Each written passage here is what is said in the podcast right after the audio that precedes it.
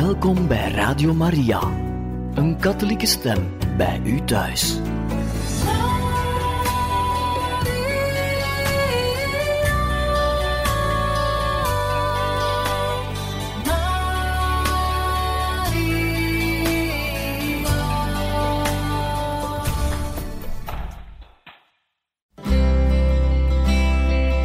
Welkom bij Boekat, een programma van Radio Maria.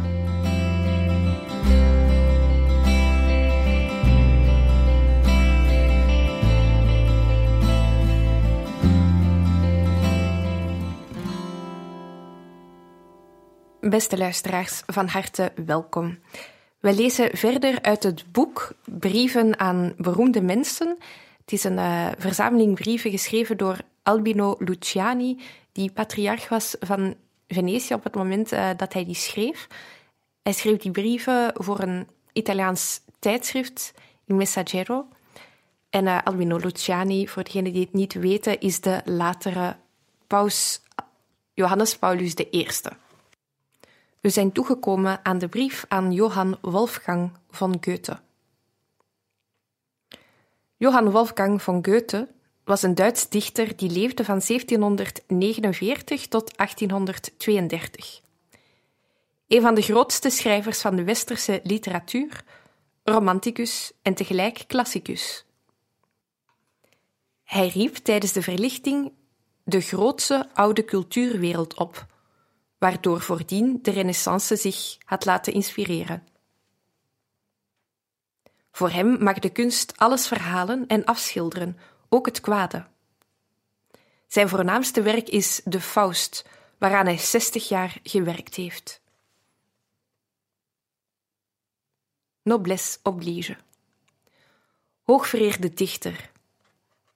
Het jongste filmfestival van Pesaro, dat plaatsgevonden heeft in 1971, niet veel voor Albino Luciani deze brief schreef, waarover zoveel en zo verschillend gesproken is, heeft me, ik weet niet waarom, doen denken aan u. Misschien zijn het indrukken die opkomen uit mijn onderbewustzijn naar aanleiding van hetgeen in die dagen in de kranten geschreven werd, en waarbij u als estheticus, als kunstenaar en als kunstcriticus in herinnering werd gebracht. U was een groot estheticus, die onmiddellijk intens en in volle teugen het natuurlijke schone in u vermocht op te nemen dat in de wereld aanwezig is. Vanaf de natuurverschijnselen tot de diepste ontroeringen van de menselijke ziel. Een groot kunstenaar ook, in staat op aangrijpende wijze voor anderen uit te drukken het schone dat u had waargenomen en de gevoelens waarmee u het had waargenomen. En tenslotte een groot kunstcriticus, die zich vol begrip en geestdrift kon bezighouden met de artistieke scheppingen van anderen. Heeft Duitsland u niet een kwart eeuw lang bewonderd als directeur van het theater van Weimar? Hebt u de dag waarop u aankwam in Rome met zijn monumenten der oudheid niet uw tweede geboortedag genoemd? Raakte u niet buiten zichzelf van geluk bij het zien van de Apollo del Belvedere? Jammer dat u de films van het festival niet hebt kunnen zien en ik uw reacties daarop niet kon waarnemen. Dus probeer ik daar maar naar te raden. Als kunstkenner zou u bij het festival een hele hoop mooie, voor u volslagen nieuwe dingen aangetroffen hebben. De film zelf zoals die uit licht, beweging, kleur, muziek en actie gecomponeerd wordt, is iets schoons. U zet zich voor het scherm. Als de montage van de film goed in elkaar zit, zal een snel ritme u meeslepen in de gebeurtenissen die zich afspelen. De uren zullen u minuten toeschijnen. De close-ups, die het hele scherm vullen met een enkel gezicht, zullen de figuren heel dicht bij u brengen met verwrongen gezicht vanwege de diepe emoties, zodat er een grote intimiteit ontstaat tussen u en de acteurs. De perspectivistische verkortingen die u zo bewonderd hebt bij Mantegna en Caravaggio, kunt u hier reusachtig vergroot zien. Doordat bijvoorbeeld een misdadiger onder een bepaalde hoek is opgenomen, wordt zijn gestalte met sinistere schaduwen misvormd en ziet hij er uiterst dreigend en angstaanjagend uit. Hiermee heb ik u alvast enkele bijzonderheden genoemd. Zou u in een film ook artistieke schoonheid terugvinden? Ik denk van wel. Maar als kunstcriticus moet u wel op verrassingen verdacht zijn.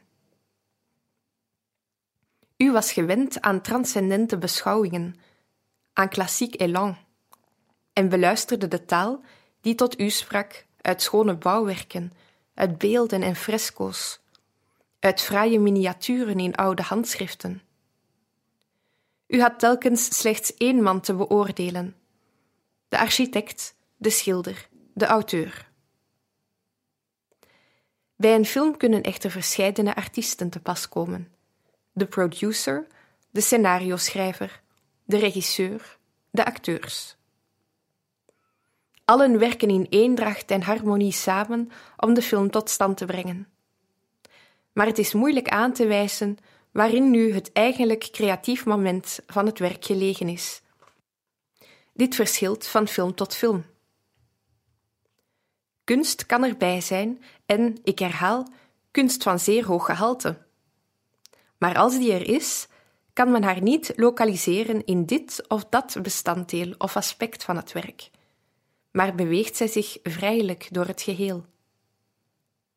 Een kunst dus sui generis. Ze noemen haar de tiende muze. Wat zijn invloed betreft is de film de vijfde macht aan het worden. Na parlement, ministerraad, rechterlijke macht en pers. Wat betreft de rijkwijde kan men hem wel de eerste macht noemen. Men heeft uitgerekend dat sommige films in de loop der jaren miljarden kijkers beïnvloed hebben. Zo ver reikt die invloed. Anderzijds wordt de film zelf ook beïnvloed, omdat hij de macht ondergaat van de industrie, de handel en dus van het geld. De regisseur en de acteurs willen meestal werk leveren dat op hoog artistiek niveau staat, waarin ze hun talent kunnen laten zien. Maar de producer, die de zaak financiert, denkt er dikwijls anders over. Hij wil films die succes hebben en die de kassa doen rinkelen. Als er een tovenaar bestond, bijvoorbeeld uw dokter Faust of Mephistopheles in eigen persoon, die met zijn toverstaf of met zijn liefdesdrankjes in magische spreuken bij voorbaat het succes van een artistieke film kon garanderen, ja, dan zou een producer wel artistieke films brengen. Daar zo'n tovenaar niet beschikbaar is, doet de producer zijn best om er iets anders op te verzinnen. Wat? Terentius reeds moest in zijn tijd met leden ogen aanzien dat de toeschouwers zijn blijspelen links lieten liggen en zich krom gingen lachen bij de kunstenaars en kwakzalvers die in de buurt van het theater kwamen opereren. Het verschijnsel herhaalt zich. De producers proberen films te brengen die tegemoetkomen aan de minder verheven smaak van de kijkers, waarvan de meesten niet naar de cinema gaan om iets verhevens te zien, maar om zich te vermaken. Kijk, dit is nu iets dat u, de kunstcriticus Goethe, bedroefd zou hebben op het festival van Pesaro. Te constateren dat middelen en mensen beschikbaar waren om meesterwerken te scheppen, en toch bij hetgeen er gemaakt was zoveel middelmatige dingen aan te treffen, als gevolg van de economische overwegingen bij de productie. Nog iets anders dat u daar had kunnen overkomen. Namelijk in de een of andere film authentieke kunst te ontdekken, maar dan vermengd met even authentieke onzedelijkheid. Misschien verbaast het u wanneer ik toegeef dat zoiets onzedelijks tegelijk toch artistiek mooi kan zijn. De reden is dat het woord artistiek betrekking heeft op het kunstwerk, terwijl het woord onzedelijk betrekking heeft op het handelen van de artiest als mens en christen. Sommige immorele verhalen van Boccaccio zijn artistiek gezien erg mooi. Boccaccio echter heeft, toen hij die schreef, een zedelijk slechte daad gesteld, die schadelijke invloed kan hebben op sommige lezers. U weet daar ook iets van, toen u die Leiden des jongen Werthers geschreven had. Voelde u zich verontrust en bezorgd toen u merkte dat het boek een verderfelijke invloed had op de zwakken en geëxalteerden onder de Duitse jeugd. Ik waag het kritiek uit te oefenen op u, vereerde Goethe, die eens over uw kritiek geschreven hebt. Zoals elke roos, zo heeft ook elke kunstenaar zijn eigen insect. Ik heb tiek. Wel, nu hebt u mij ook nog. Ik bewonder uw genie, maar ik aanvaard niet uw ideeën. Zoals onder andere de stelling dat heel de werkelijkheid het werkterrein is van de kunstenaar, die dus met het volste recht en in absolute vrijheid alles mag verhalen, schilderen of schrijven, ook het slechte. De kunstenaar mag het slechte weergeven, maar op zo'n manier dat het slechte als slecht getoond wordt, als iets dat men moet vermijden, niet mooi gemaakt wordt en zo anderen niet aanmoedigt om het te herhalen of na te doen. In Oedipus Rex van Sophocles is incest het centrale thema. Dit wordt daar beschreven in grove en krachtige termen. Maar vanaf het begin tot het einde is het duidelijk dat incest afgekeurd wordt. En de straffen die neerkomen op de schuldigen zijn zo verschrikkelijk dat men na lezing waarlijk niet enthousiast zal zijn voor incest. Ik heb geschreven van het begin tot het einde. Met reden. Er zijn regisseurs en critici die menen dat ze een pornografische film goed kunnen praten met een moralistische passage of zin aan het einde. Als een besprenkeling met wijwater om het kwaad uit te bannen of te bezweren. Dat is niet voldoende.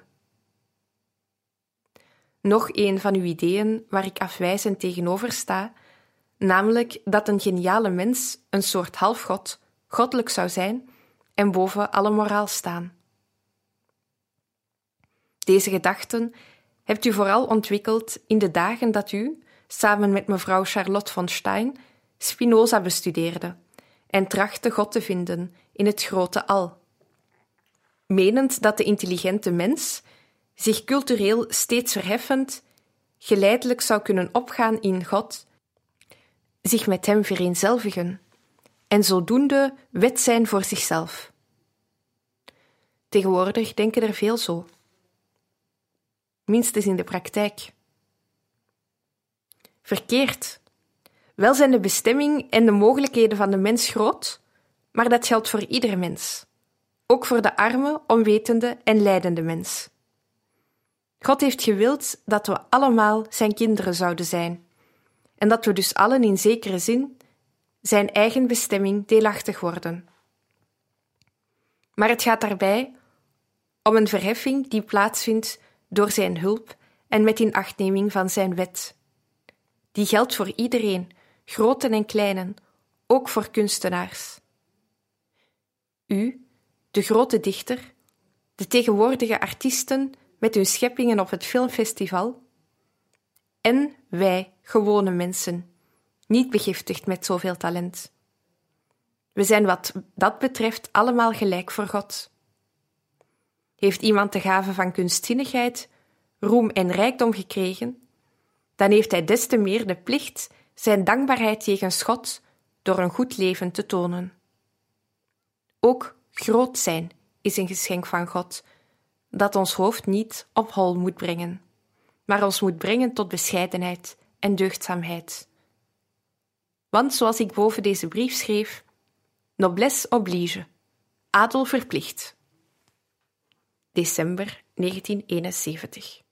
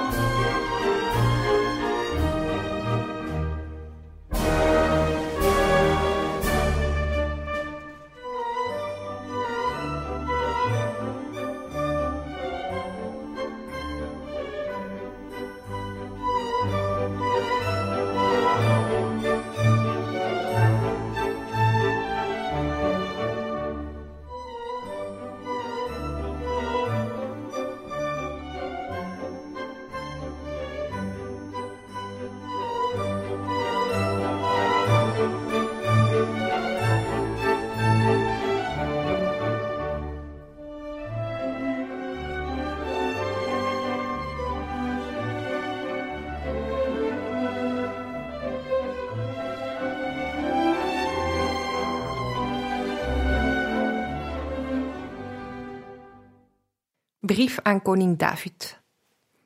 David, koning van Israël vanaf het jaar 1010 voor Christus.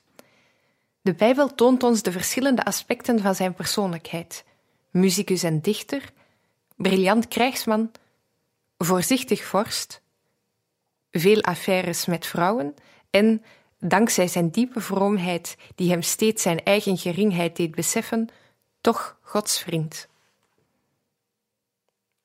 Requiescat voor de hoogmoed. Illustere soeverein, dichter en muzikus. De mensen zien u op vele manieren. Sinds eeuwen beelden ze u uit, soms met uw citer, soms met uw slinger voor Goliath staande, soms met uw scepter in de hand op uw troon, soms in de grot van Engadi, terwijl u een stuk van Sauls mantel afsnijdt. Jongens houden van uw gevecht met Goliath en van uw avonturen als dapper en edelmoedig bendeleider. De liturgie herdenkt u vooral als voorvader van Christus. De Bijbel toont ons de verschillende aspecten van uw persoonlijkheid: dichter en muzikus, briljant militair, voorzichtig koning, verwikkeld, helaas niet zo gelukkig, in affaires met vrouwen en in haremintriges, met als gevolg familietragedies. En toch, vriend van God, vanwege uw buitengewone vroomheid, die u steeds herinnerde aan uw nietigheid tegenover God. Deze laatste eigenschap vooral is me sympathiek. En het doet me telkens weer goed als ik die tegenkom in de korte psalm 131 die u schreef. U zegt in die psalm: Heer, mijn hart is niet hoogmoedig. Ik probeer op mijn manier u na te volgen. Maar helaas moet ik me beperken tot het gebed. Heer, ik zou willen dat mijn hart geen hoogmoedige gedachten naloopt. U zult zeggen: dat is te weinig voor een bisschop. Ik weet het. Maar de waarheid is dat ik honderden keren de begrafenis van mijn hoogmoed gevierd heb, me inbeeldend dat ik haar twee meter onder de grond gestopt had met een veelvuldig requiescat, en evenvele keren zag ik haar terugkeren, springlevend als nooit tevoren. Merkte ik hoezeer kritiek me nog altijd tegenstond en lof me aanstond. En ik me nog steeds druk maakte over wat anderen over me zeiden. Als ze me een compliment maken, voel ik dat ik me moet vergelijken met het ezeltje dat Christus droeg op Palmzondag. Ik zeg tegen mezelf, als dat ezeltje, toen het dat juichen hoorde, hoorde, trots geworden was en in zijn domheid was begonnen de menigte te bedanken, links en rechts buigend met de gratie van een prima donna, wat zouden de mensen gelachen hebben? Zorg ervoor dat je niet zo'n dom figuur slaat. Als er kritiek uitgeoefend wordt, heb ik de neiging mezelf te plaatsen in de situatie van broeder Cristoforo, die, als hij bespot en uitgelachen werd, zich kalm hield en tot zichzelf zei: Broeder, denk eraan, je bent hier niet voor jezelf. Bij een andere gelegenheid, evenwel, lezen we van diezelfde broeder Cristoforo. Hij trad twee stappen terug, zette zijn rechterhand op zijn heup, hief zijn linkerarm op, strekte zijn wijsvinger uit naar Don Rodrigo en keek hem met twee vlammende ogen in het gezicht. Dit gebaar is tegenwoordig erg populair bij veel mensen die profetieën uitspreken luidruchtige aanklachten, met vlammende ogen, bliksemende, bliksemende blikken, à la Napoleon. Maar mij is het liever zoals u, koning David, in uw psalm schrijft. Mijn ogen zijn niet hoogwaardig.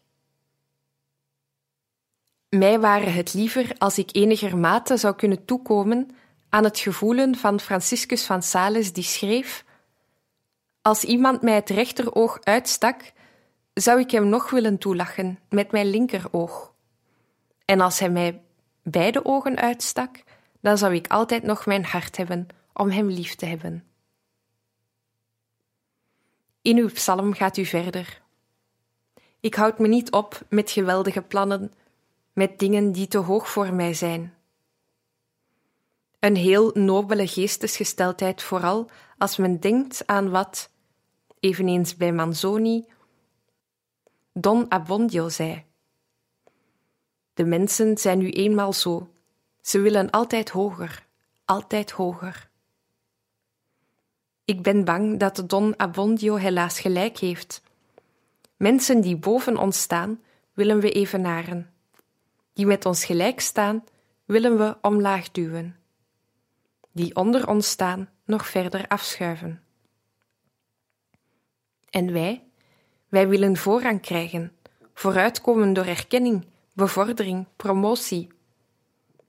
Dat mag, zolang het gaat om gezonde wedijver, om een gematigde en redelijke ambitie die ons prikkelt tot werken en tot het ontplooien van initiatieven. Maar niet als het een soort ziekte wordt. Als we, om vooruit te komen, de anderen omlaag halen door middel van onrechtvaardigheden en laster.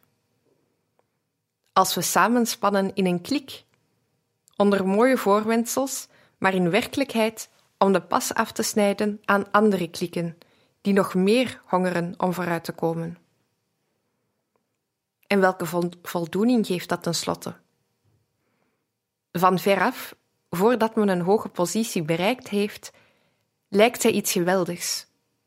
Maar van dichtbij, als men haar heeft, is dat heel anders. Iemand die wel dwazer was dan u, maar toch ook dichter evenals u, heeft dat eens heel raak gezegd. Toen hij hoorde dat Petrus van Murone paus geworden was, schreef hij: Wat zul je doen, Pierre di Morone? Als je je niet weet te weren, zing je zeker valse tonen. In al mijn bisschoppelijke zorgen denk ik dikwijls: Nu, mijn beste, ben je de valse tonen van Jacopone aan het zingen. Maar u hebt dan ook tot uzelf gezegd in Psalm 52: die handelt over de valse tongen. Volgens u zijn die scherp als een scheermes, dat je goede naam wegneemt in plaats van je baard. Maar als het scheermes zijn werk gedaan heeft, groeit de baard vanzelf weer welig aan. Ook eer en goede naam, als die aangetast zijn, groeien wel weer aan. Daarom is het soms maar het beste dat je zwijgt en geduld hebt. Op den duur komt alles vanzelf weer in orde. Men moet, ondanks alles, optimist zijn. Dit bedoelde u toen u schreef: Als een kind bij zijn moeder geborgen, zo voel ik mijn ziel. Het vertrouwen op God moet de basis zijn waarop onze gedachten en onze handelingen steunen. Als men goed nadenkt, zijn God en wij zelf de voornaamste persoonlijkheden in ons leven. Als we die twee bekijken, zullen we altijd goedheid vinden in God en erbarmelijkheid in onszelf. We zullen zien dat de goddelijke goedheid goedgezind is jegens onze erbarmelijkheid en dat deze het voorwerp is van Gods goedheid. Menselijke rechters staan een beetje buiten spel een schuldig geweten kunnen ze niet helen, en een goed geweten kunnen ze niet kwetsen. Aan het einde van uw kleine psalm ontploft uw optimisme in een juichende kreet. Hoop Israël op de Heer, van nu af tot in eeuwigheid. Als ik u lees, lijkt u me geen bange man, maar een die moedig is en dapper, juist omdat hij het zelfvertrouwen verwijderd uit zijn ziel, om deze te vullen met het vertrouwen en de kracht van God. Nederigheid, met andere woorden, gaat altijd samen met grootmoedigheid. Goed zijn is iets groots en moois, maar het is moeilijk Opdat onze geest niet overdreven streeft naar grote dingen, is er de nederigheid. Opdat hij niet terugdeinst voor moeilijkheden, is er de grootmoedigheid. Ik denk aan Paulus. Verachting, geeseling, verdrukking kunnen deze grootmoedige ziel niet terneerdrukken. Extasen, openbaringen, toejuichingen kunnen deze nederige ziel niet hoovaardig maken. Hij is nederig als hij schrijft: Ik ben de minste van alle apostelen. Grootmoedig en bereid tot elk risico als hij zegt: Ik kan alles in hem die mij versterkt. Hij is nederig en grootmoedig, maar als het te pas komt, kan hij ook fier zijn.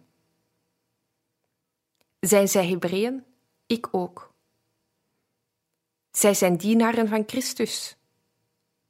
Ik spreek als een dwaas, ik meer. Hij onderwerpt zich aan iedereen, maar als het gaat om zijn plicht, doet hij voor niemand onder. De golven slingeren het schip waarop hij vaart heen en weer. De slangen bijten hem. Heidenen, Joden en valse christenen jagen op hem en vervolgen hem. Hij wordt met roeden geslagen en in de gevangenis geworpen. Men laat hem iedere dag sterven. Men denkt dat men hem afschrikt, afgeschrikt of vernietigd heeft. Maar hij springt weer overeind, fris en opgewekt.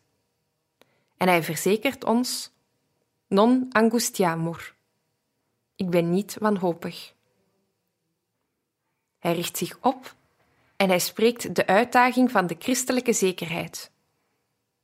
Namelijk, ik ben ervan overtuigd dat nog de dood, nog het leven, nog engelen, nog boze geesten, nog wat is, nog wat zijn zal, en geen macht in de hoge, nog in de diepte, nog enig wezen in het heelal ons zal kunnen scheiden van de liefde Gods, die is in Christus Jezus, onze Heer. Dit is het gevolg van de christelijke nederigheid.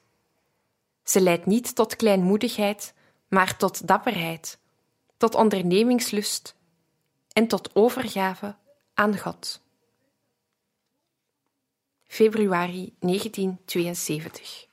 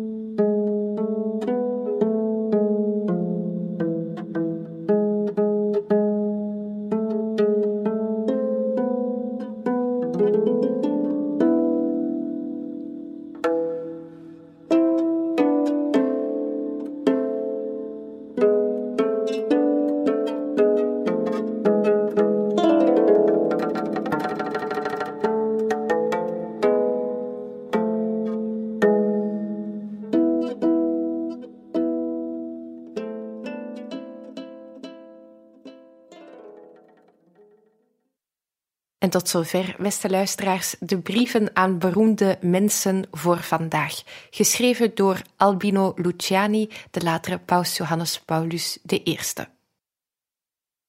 Radio Maria wenst u nog een mooie dag toe en veel luisterplezier.